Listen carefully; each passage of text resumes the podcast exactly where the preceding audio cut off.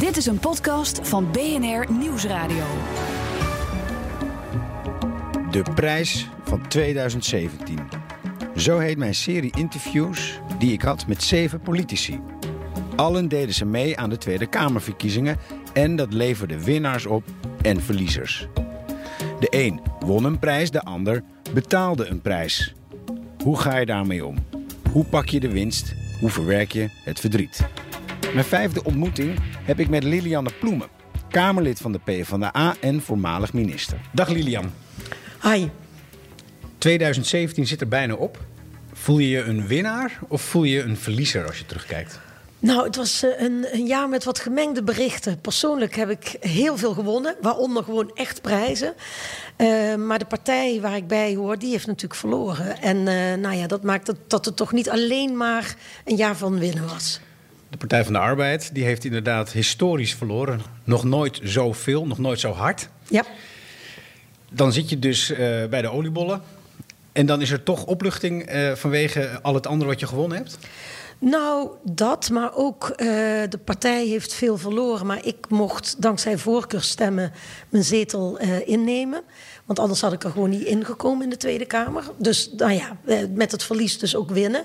Dat is wel heel bijzonder. Als je zo ja, een beetje het parlement ingedragen wordt door al die mensen die op je gestemd hebben. Dat is al een prijs, de voorkeurstemmen. Volgens mij ben je om iemand heen uh, gefietst. Meneer Moorlag was het, of niet? Ja, meneer ja. Moorlag. Ja, die heb ik meteen opgebeld die vrijdagmiddag toen het bekend werd. Want ja, hij stond op negen ja. en ik op tien. En hij was uh, heel erg sportief. Hij zei meteen, nee, jij hebt het verdiend. Je hebt het geweldig gedaan, proficiat. Echt ontzettend leuk. Terwijl in vroegere tijden 9, 10, positie 12 tot en met 20 was uh, veilig. Absoluut. Die dagen zijn geweest. Dat blijkt, ja. Dat blijkt. Dan uh, winnen, want uh, de Kamer ingaan, dat is al winst met, met voorkeurstemmen. Maar er zijn ook nogal wat prijzen die je hebt gewonnen. Ja. Je bent echt van deze serie de echte prijswinnaar. Ja. Zo hebben we uh, de Alette Jacobsprijs. Klopt, ja. ja. ja. Waarom heb je die gewonnen? Nou, die, het juryrapport komt nog, want de officiële uitreiking is op 8 maart. Maar het is een prijs voor alles wat ik heb gedaan voor de rechten van vrouwen en meisjes. En niet alleen de She Decides campagne, die ik in uh, januari heb gelanceerd, maar volgens de jury uh, ook al het werk daarvoor. Voor vrouwen en meisjes. Ja, ja. She Decides, je zegt het zelf al, um, zij beslist. Nou, dat heeft een enorme dynamiek uh, voortgebracht. Uh, je eindigde als uh, superploemen ja. internationaal, geloof ja, ik. Ja. Of wat zeggen ze dan? Plaumen, ploemen? Ja, het, alles zeggen alles, ze eigenlijk. Ja, Mag ook allemaal waarschijnlijk. Ja. Kan je terug naar het begin van, van She Decides? Laten we alleen bijvoorbeeld bij... Hoe kom je aan die naam? Hoe hebben jullie dat bedacht? Ja, nou de naam gaat alle eer naar een ambtenaar van Buitenlandse Zaken. Um, we hadden uh, toen Trump aankondigde dat hij de financiering zou stopzetten voor organisaties die zich bezighouden met gezinsplanning, seksuele voorlichting, veilig abortus in ontwikkelingslanden. Toen dacht ik, dat moeten we gewoon niet laten gebeuren. Dat betekent gewoon dat heel veel vrouwen en meisjes die verstoken blijven van dat soort voorzieningen. Want dat geld van de Verenigde Staten, is dat, is dat een, een groot deel? 600 miljoen per jaar, dus dat is echt wel veel. En dat wordt in een pot gegooid? Nou, dat, de Amerikanen verdeelden dat zelf over verschillende landen. Um, en uh, soms werkten ze samen met een overheid, soms met uh, lokale organisaties. Maar in ieder geval werd, kwam dat geld allemaal ten goede aan vrouwen en meisjes. En was dat onder Obama uh, gemeengoed om dat te doen? Of ja. ook zijn voorgangers? Ja, onder Obama was het gemeengoed. En wat Trump nu heeft gedaan, die zegt... Uh, wij zijn tegen abortus. En dat betekent dat als een organisatie seksuele voorlichting geeft... kraamzorg aanbiedt, maar ook informatie over uh, abortus... dan krijgen ze van ons geen geld meer. Dus hij gooide dat op één hoop. In Zo is geval. het, ja. En um, dat betekent dat dus heel veel organisaties die uh, zeggen van ja, hoor eens even, maar voor ons hoort dat bij elkaar. We willen aan vrouwen en meisjes over alles voorlichting kunnen geven. Want uh, kijk, geen enkele vrouw zit per se te wachten op een abortus, maar soms is er gewoon geen andere keus. En in plaats van dan uh, naar een of andere kwakzalver in een achterafstraatje te moeten, zeggen artsen natuurlijk: wij willen dat zelf doen. Dus zeggen ze dan tegen de Amerikanen: wij willen doorgaan daarmee. En dat betekent dat ze geen geld meer krijgen. Trump besloot dat dat geld, uh, die storting te stoppen. Ja. Het is zijn geld, toch? Hij mag dat beslissen natuurlijk. Natuurlijk, dat mag ook. Ik bedoel, en hij is eh, democratisch gekozen. Kijk, het, is, eh, het zou niet mijn keuze zijn geweest. Maar de Amerikanen hebben hem gekozen, prima. Ehm, maar eh, ik ben ook gekozen en ik heb ook een verantwoordelijkheid. En ik vind iets anders. Maar dan zie ik Trump hier en dan zie ik eh, mevrouw Ploemen, toen nog minister. Ja. Oké. Maar daar zit toch een enorme afstand tussen qua macht, invloed en aanzien. Eh, dat kan, maar daar moet je je zo min mogelijk van aantrekken. Hè? Dus Ja? het, ik, ik trek me niks aan van de invloed en de macht van anderen. Ik denk alleen maar na over wat kan ik zelf doen in de positie die ik nu heb. En toen? Nou, toen eh, bedacht ik... Kijk, die 600 miljoen is ontzettend veel geld. En, ehm, maar het is wel belangrijk dat we proberen dat geld op een andere manier bij elkaar te krijgen. Dus ik heb eh, gezegd, ik ga een fonds oprichten. Eh, alle landen die mee willen doen en die eh, ehm, dat willen steunen... die kunnen daar aan bijdragen. En dan zorgen we dat de organisaties die getroffen worden... door die maatregelen van Trump... via andere kanalen die financiering krijgen. Dit is ook een soort van zij beslist. Zeker. Maar dan jij. Ja, nou ja, ik vind wel dat eh, het is heel erg belangrijk als je een bepaalde positie hebt, dat je die positie gebruikt om het goede te doen en dat je dat ook ja, maximaal benut. Hè. Dus ik denk altijd als minister of nu als parlementariër heb ik een stem. Jij interviewt mij en je interviewt niet zomaar zo'n meisje.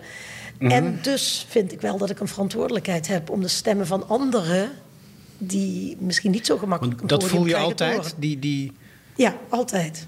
die vertegenwoordigende Ja, functie. als minister, als... Parlementslid. Waar komt het vandaan eigenlijk, dat je dat altijd zo nadrukkelijk voelt? Want dat geldt denk ik ook voor alle andere parlementariërs. Ja, ja, Mag nou- ik hopen, maar Ja, het zal ongetwijfeld wel met mijn opvoeding te maken hebben.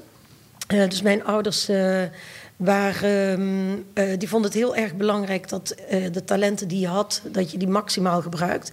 Ze hebben zelf alle twee alleen maar lagere school gehad. Dus, en wij, mijn broertje, mijn zusje en ik, we konden heel goed leren. Dus dat was echt wel bijzonder. Ze hebben ons enorm aangemoedigd om dat ook nou ja, te doen. En eh, ja, ja, je talent niet eh, te verrommelen, om het zo maar te zeggen. melkboer toch? Of melkboer is ja, vader, Eerst ja. boer, nou, Ja. of de familie daarvoor was boer. Ja, de rest was allemaal boer. Ja, dus en opa en oma, dus echt zo'n boerengeslacht. Agrariërs. Agrariërs, ja. En eh, nou ja, dus ook wel mensen die zelf misschien ook wel voelden dat ze niet zo'n niet zo'n stem hadden. En dat ze eh, hun best moesten doen om gehoord te worden. Nou ja, en als je dan de kans krijgt, ja, dan, ja, dan is het bijna een plicht. Maar ik voel het helemaal niet als iets zwaars hoor, of iets ingewikkelds. Nee. Maar ja, dat is wel, moet je dat wel gebruiken. Was Waarom zou je dat niet doen? proces, dat gezin dan? Dat, dat, dat, dat, het was, dat je voelde dat, dat, dat als er een kans was dat je hem kon Ja. en moest grijpen. Ja, en dat heb ik ook. eh, ik heb nu zelf volwassen kinderen. En nu begrijp ik dat eigenlijk veel beter dan toen ik zelf eh, nou ja, op de middelbare school zat. Dus mijn ouders hebben ons de kans gegeven om dingen te doen waarvan zij zelf helemaal niet wisten ja, hoe dat er dan uitzag. Dus ik ging bijvoorbeeld naar de universiteit als eerste meisje in de familie. Ik ging op kamers wonen. Nou ja, weet je, zij hadden geen idee hoe dat allemaal was. Maar Nee. om dan toch je kinderen het vertrouwen te geven en te zeggen: ga maar. Nou, dat is echt best wel knap. Ongeacht de afloop. Ongeacht de afloop, ja. Nou ja, er rust natuurlijk wel een verantwoordelijkheid om het goed te laten aflopen. Precies, maar het, het, het beperkt je niet om die eerste stap te zetten Nee. en tegen Trump op te staan. Nee, nee, nee. Dus ook wel een. eh, We, we hebben het ook wel van thuis heb ik wel meegekregen dat als je iets vindt, dat je daar ook pal voor moet staan. Daar moet je ook niet voor reacties? weglopen. Ongeacht reacties, ja. Er ligt daar nog een prijs op tafel, Ja, ja. Eh, want er is weer iets gewonnen. ja, er is weer iets gewonnen. Ja, ik de heb, paus. Van de, ja, ik heb van de paus een eh, hoge onderscheiding gekregen. Ja, voor eh, wat je allemaal doet voor abortus. Nou, dat staat er niet bij. Maar het is op zich natuurlijk wel interessant. Het, het staat erbij voor eh, verdiensten voor de maatschappij. dat, is, eh, ja, dat geldt voor heel veel andere mensen ook. Zeker. En eh, het Vaticaan weet denk ik wel ook dat ik eh She Decides heb opgezet. Maar dat eh, laat niet onverlet dat ze toch deze onderscheiding hebben gegeven. Bijzonder. Wat voor onderscheiding is het? Nou, eh, het is eh, de eh, commandeur in de orde van Gregorius. Oké, Ja. gefeliciteerd. Ja, dankjewel. Ja, ja. dit is best ja, progressief van de paus. Heel. En eh, ik, vind, ik, ik vind, vind het ook wel erg eh, leuk om te krijgen. Het Zie je het als een bevestiging ook voor, voor wat je doet voor, nou, voor meisjes en abortus en ja, kwetsbare nou, dat, vrouwen? ja, dat. En eh, de afgelopen jaren eh, hebben we ook, heb ik ook wel veel geïnvesteerd in contacten met het Vaticaan. Lobbyen. Nou ja, lobbyen. Kijk, weet je, omdat uh, het Vaticaan uh, zeker nog onder de oudere pauze, die stelde zich toch ook als het ging om rechten van vrouwen en meisjes tamelijk star op. Zeker. En um, dat gaat ook allemaal niet op korte termijn veranderen. Daar moet je geen illusies over maken. Maar misschien zijn er wel terreinen waar je toch samen kunt werken. En dat heb ik geprobeerd. Bijvoorbeeld, uh, de kerk is ook zeer tegen uh, kindhuwelijken. Nou, kijk, voor ons klinkt dat misschien een beetje gek, maar in heel veel landen heeft de kerk ontzettend veel invloed. Dus als daar een bisschop kan zeggen: beste mensen, je meisjes uithuwelijken op een veertien is een slecht idee, dan helpt dat. We hadden een bisschop in Oeganda die zich uh, had uitgesproken tegen homoseksualiteit. Men heeft het Vaticaan laten weten. Kijk, praktiseren, daar zijn we allemaal niet voor. Maar de mens is geschapen zoals die is. En zo moeten we hem accepteren. En zo pragmatisch ben jij dan ook? Dat als, als de paus of het Vaticaan jou kan helpen in jouw missie... Zeker. Waar ze zelf niet eens achter staan, dan ja, natuurlijk. Ja, nee, maar natuurlijk, ja. Kijk, want ze hebben, vergis je niet, ze hebben een invloedrijke stem, zeg maar gewoon via de mensen, hè, de gelovigen. Maar ze zijn ook onderdeel van uh, onderhandelingen in de Verenigde Naties. Nou, dan maakt het wel wat uit of ze zich aan de kant van Saoedi-Arabië scharen of aan de kant van Nederland. Ja. En dan heb ik ze toch liever aan onze kant. Aan de kant van Tweede Kamerlid Ploemen nu? Ja. ja je was ja. minister. Klopt. Je hebt toch minder macht, of niet? Hoe zie je dat? Het is heel anders. Uh, dus uh, kijk, als minister uh, heb je de macht om een besluit te nemen en dat besluit ook meteen uit te voeren. Met je ambtenaren. Ja. Uh, dan moet je natuurlijk, uh, die overlegt wel met het parlement. Ik bedoel, het is nou niet zo dat je alles kunt doen wat je wil, maar ja, ja er zit wat daadkracht. Er zit, ja, en als parlementariër um, van heb een kleine fractie. Van, ja, uh, heb je de macht om dingen voor elkaar te krijgen via de regering. Maar is dat niet voor, voor jou fr frustrerend? Je hebt eerst aan de andere kant gestaan en nu sta je aan deze kant. Ja. En, nou, kijk, moet je ik, dat kabinet in beweging krijgen? Ja, maar dat is ook wel weer een mooie opgave. Kijk, ik ben uh, net uh, parlementariër. Je bent ook nog nooit geweest. Nee. Dus dat is interessant om dat nieuw, uh, om nieuw te zijn. Om te kijken hoe je...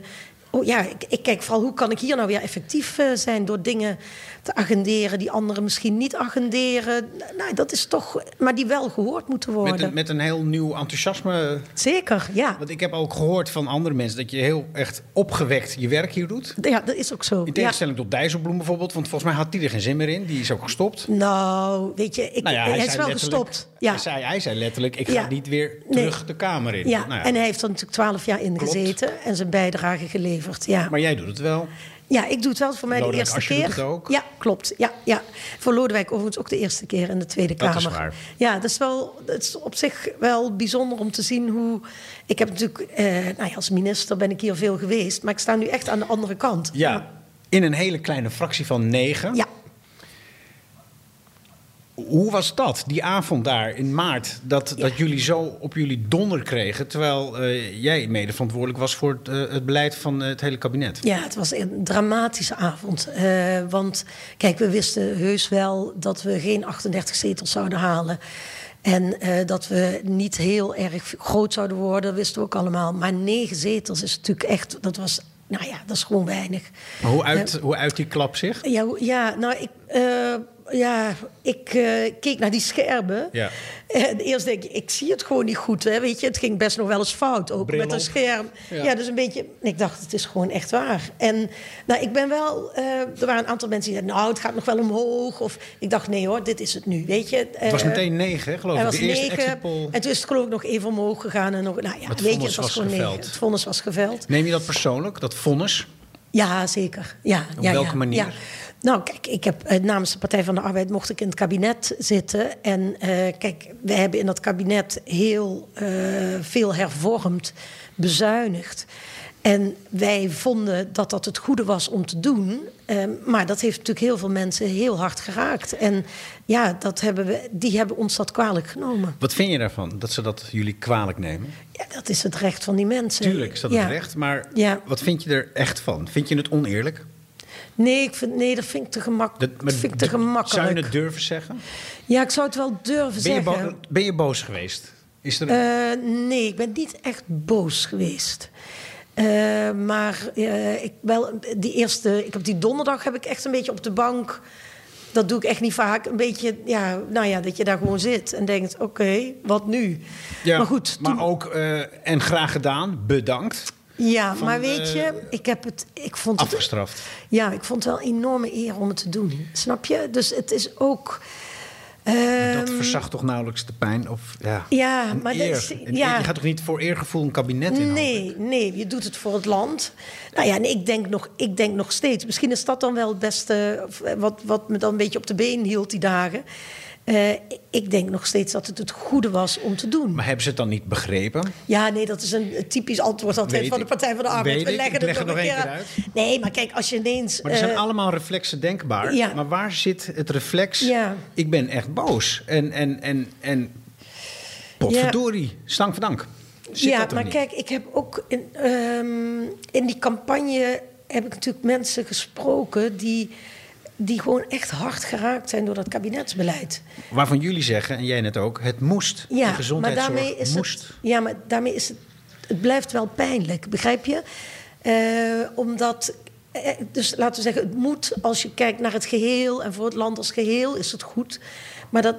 Maar er zijn, en er zijn ook mensen die zijn fluitend die vijf jaar doorgekomen. Maar er zijn ook echt mensen die denken: ja, maar weet je, eh, ik, ik heb hier. eh, dat heeft mijn leven enorm beïnvloed. Omdat ik financieel klem kwam te zitten, eh, de zorg veranderde. Maar dan kan je stellen, jullie hadden die zwakke groepen dan moeten ontzien... en iedereen een Ja. beetje kunnen laten profiteren. Dat is al moeilijk genoeg. Ja, hebben we ook wel gedaan hoor. Maar natuurlijk niet in die mate dat je het wil. is een Nederlandse bekende reactie. Als je regeert, daarna Ja. is het crepeert, bij Ja. wijze van spreken. En Ja. nu ook weer. Die, die Ja. formatie duurde belachelijk Klopt. lang volgens mij. Omdat iedereen doodsbenauwd is wat jullie is overkomen. Maakt dat politici, maakt dat toekomstige bestuurders niet verschrikkelijk kopschuw... om, om, om de verantwoordelijkheid te nemen zoals de PvdA genomen heeft? Nou, dat hoor je wel van mensen. En dat lees je natuurlijk ook in de krant. Hè, precies wat jij ook zegt. Van eh, partijen denken, nou, dat moet mij niet overkomen.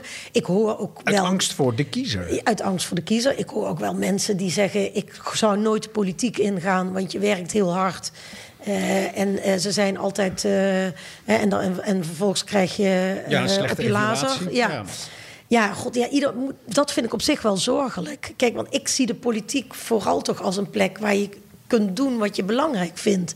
En ja, soms kun je dat doen in een kabinet en heb je een grote fractie. En, en nu zitten we met z'n negenen. Maar ja, de opdracht vind ik niet anders. Nee, maar de slagkracht is wel extreem afgenomen. Van Nou, je- 38 naar Nee, 9. tuurlijk. Maar ja, goed, weet je, dat maakt dat je op een andere manier politiek moet bedrijven. Dus ik met die negen zetels eh, krijg ik geen meerderheid. Dus dat betekent dat eh, we werken heel veel samen met GroenLinks en de, en de SP. Ehm, eh, maar dat betekent dat je ook met andere partijen moet samenwerken. Dat vind ik. Kijk, ik had, het is natuurlijk gemakkelijker om, laten we zeggen, op eigen kracht heel veel zetels te hebben en dingen te kunnen bereiken. Ja. Maar nu moet het op een andere manier. Ja, en ik ben dan ook wel weer. Ja, ik ben heel praktisch. Dan doe ik het op een andere manier. En is het ook nog misschien dat, dat eh, katholieke defatisme van eh, de, ik, ga, ik heb de straf verdiend en ik, nu ga ik lijden? Nee, oh nee, dat heb ik ja. helemaal niet. Nou ja, nee, nee. De, de paus die... Ja, nee, oh nee, daar ben, zijn we helemaal niet van. Zo ben ik Nee. ook helemaal niet opgevoed. Nee, nee, Nee. helemaal niet. Nee, het is meer, kijk, nou ja, dus die dag zat ik eh, inderdaad, eh, nou ja, wel een beetje te neergeslagen op de bank, dat begrijp je. En toen Ja. vrijdagochtend dacht ik, ja hoor, het is nou vrijdagochtend, ik moet gewoon aan het werk, hup. En die vrijdag kwamen al die uitslagen binnen van al die kiesdistricten. En toen bleek dat ik dus die voorkeurstemmen had, genoeg voor een zetel. En dat verandert dan ook wel weer heel veel. Want dan denk je, nou, dus al die mensen vonden dat ik een kans verdien om hun te vertegenwoordigen. Nou, dat ga ik doen. Zitten daar veel vrouwen tussen, denk je? Eh, ik geloof het wel, ja. Dus ik, eh, weet je, als ik in de bus zit of op straat loop... dan komen allemaal mensen naar me toe die zeggen... ik heb op je gestemd, of mijn moeder heeft op, je gestemd, op me gestemd... of mijn dochter, mijn zusje. Ja.